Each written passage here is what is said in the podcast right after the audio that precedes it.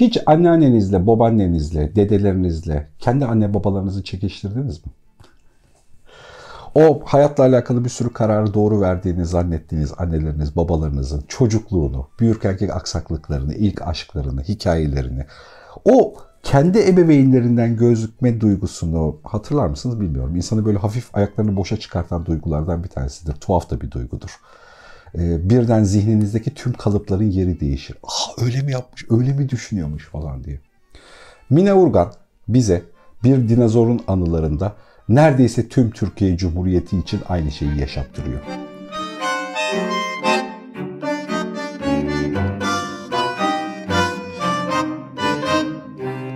Yani aklınıza gelebilecek birçok edebiyatçı, siyasetçinin çocukluğunu biliyormuş gibi görünüyor.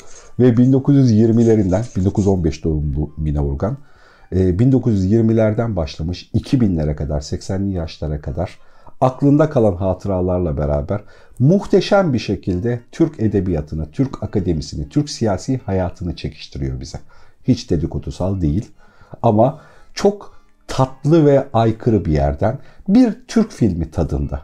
Hem komik hem birazcık trajik hem de birazcık duygusal.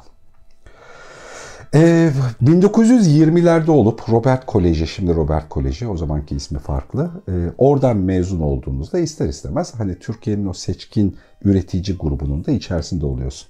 Birazcık o seçkin, hafif de ekonomik olarak iyi insan olma halini Mina Organ da kendi içinde yadırgayarak anlatıyor ve hayatımda memnun olduğum şeylerden bir tanesi o seçkinci ve sermayeye sahip gruptan kısa bir süre içerisinde ergenliğimi bitirmeden öncesinde kopmak durumunda kalmıştım. Yani yoksullaşmışlar. Bunu bir mutluluk verici öykü olarak anlatıyor. Bunun sayesinde çalışmak, çalışıp kendi parasını kazanan bir kadına dönüşmek zorunda kaldım ve bu çok anlamlı bulduğum bir şey diyor. Ama yine de oradan gelen kültür işte Halide Edip Adıvar'dan Abidin Dino'ya, Neyzen Tevfi'ye, Sait Faik Abasıyan'a, Necip Fazıl'a kadar aklınıza gelebilecek birçok edebiyatçıyla, birçok akademisyenle, birçok siyasetçiyle aynı aranın içerisinde kalmış onlarla beraber bir sürü hikayeler yaşamış ve o insanların yaşadıkları duyguları, o bildiğiniz bize yansıyan kült sanatçı, edebiyatçı ya da siyasetçi fotoğrafının dışında arka tarafta e, Mine Urgan'ın arkadaşı olan Necip Fazıl'ı, Mine Urgan'ın arkadaşı olan Sait Faik'i dinliyor olmak, Mine Urgan'ın bakış açısıyla Oğuz Atay'la tanışıyor olmak çok enteresan ve tuhaf. Oğuz Atay'la ilgili şeyi söylüyor yani. Sadece bir iki kez karşılaştım nadiren ve uzaktan. Kocaman bir kediye benziyor o adam diye bir tarif var. Tabii ki bir Nazım hayranı, tabii ki bir Atatürk hayranı, Atatürk'le dans etmiş falan. Hani bunlar önemli hikayeler şeyin içerisinde. Mine Organ 83 yaşındaki haliyle de tanışsanız o hafif ayrıksı, işte hafif e, muhalif bir zihni devamlı aklında tutan, e, kesinlikle liyakata çok sırtını dayamış ve inanan yani çalışmaya, biriktirmeye ve üzerine düşünmeye adapte olmuş. E, çok zengin bir genel kültüre sahip olduğu dilinde, tavrında, üslubunda belli olan bir insan. Kitabı okurken mesela beni çok tuhaf hissettirten bir duygu yaşadım. Aradaki yaş farkları açıldıkça insanlar birbirleriyle dost olmakta zorluk çeker. Yaşam tecrübesinin tipinin farklılığından kaynaklı. Bir de insanların belli bir yaşa geldiğinde belli oldum duygularını kabul etmelerinden kaynaklı. Hani teorik olarak masada konuşuyorken işte 60'lı yaşla 25'li yaşlar arasındaki herkes birbiriyle denktir diye bir şey konuşursun ama e, hatta önceden kendini yetiştirebildiyse belki 17-18 yaşından itibaren ve yaşlanmamayı başarıyorsa da belki de 70-80'ine kadar da bu mümkün olabilir. Bunu teorik olarak konuşuyorsun ama pratikte çok mümkün olmuyor ya. Bir süre sonra ne yaparsa yapsın işte olmuyorsa 55'inde, olmuyorsa 60'ında, 65'inde, 70'inde kaçınılmaz bir şekilde yeniliyor ve yaşlanıyor insan.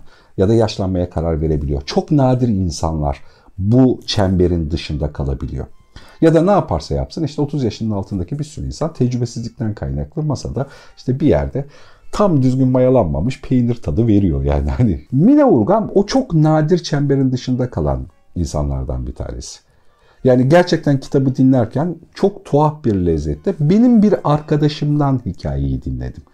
Benim bir arkadaşımdan Neyzen Tevfik'le karşılaştığı kafenin içerisinde onun ne çalışını ve onunla ilgili hikayeleri, şakaları, geyikleri, neler yaşadıklarını falan dinledim.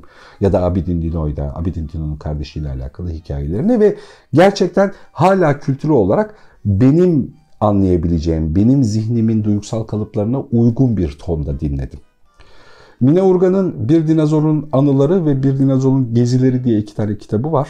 90'ların sonunda yazdığı. İki kitabı da çok satmış. Hele Bir Dinozorun Anıları 70'in üzerinde baskı yapmış falan. Hala satan long sale kitaplardan bir tanesi. Kendi yaşadığı dönemde kitabını bu kadar çok satıyor olmasını da yadırgamış.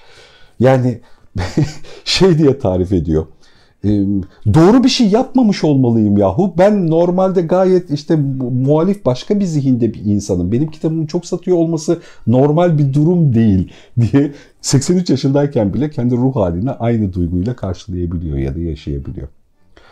Ne görmüş? Tabii onun muhalif olduğu dönemin ana unsuru Türkiye'ye o ikinci kapitalizm yani kapitalizmin sert koşullarla girdiği Özal döneminin hikayesi.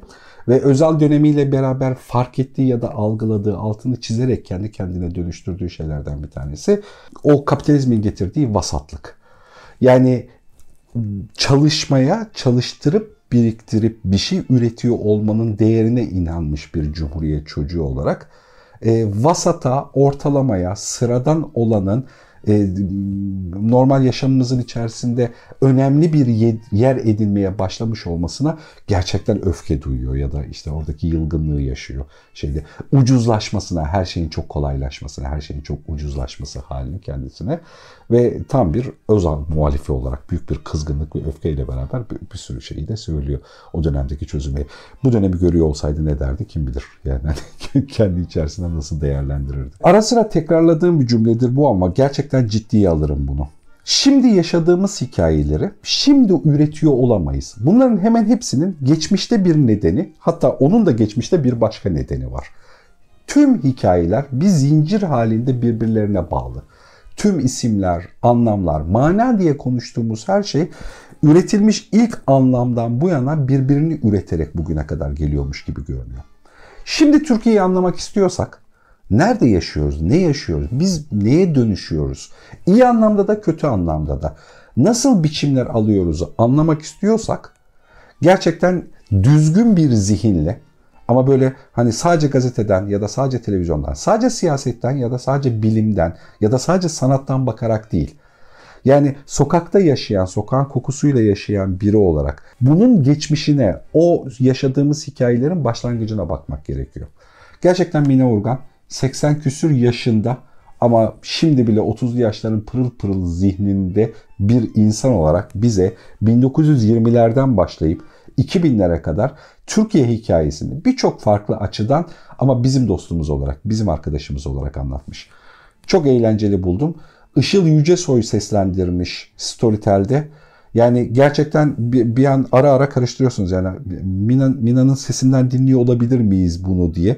Hiç bu kadar böyle meç olmuş bir seslendirmede duymamıştım. Mina Urgan'ın Bir Dinozorun Anıları Işıl Yücesoy ile beraber bambaşka bir esere daha dönüşmüş gibi görünüyor tatlı tatlı eşinizle dostunuzla sohbet eder gibi Türkiye tarihi üzerine hem duygusal hem düşünsel anlamda biraz vakit geçirmek isterseniz gerçekten muhteşem işlerden bir tanesi olmuş. Müzik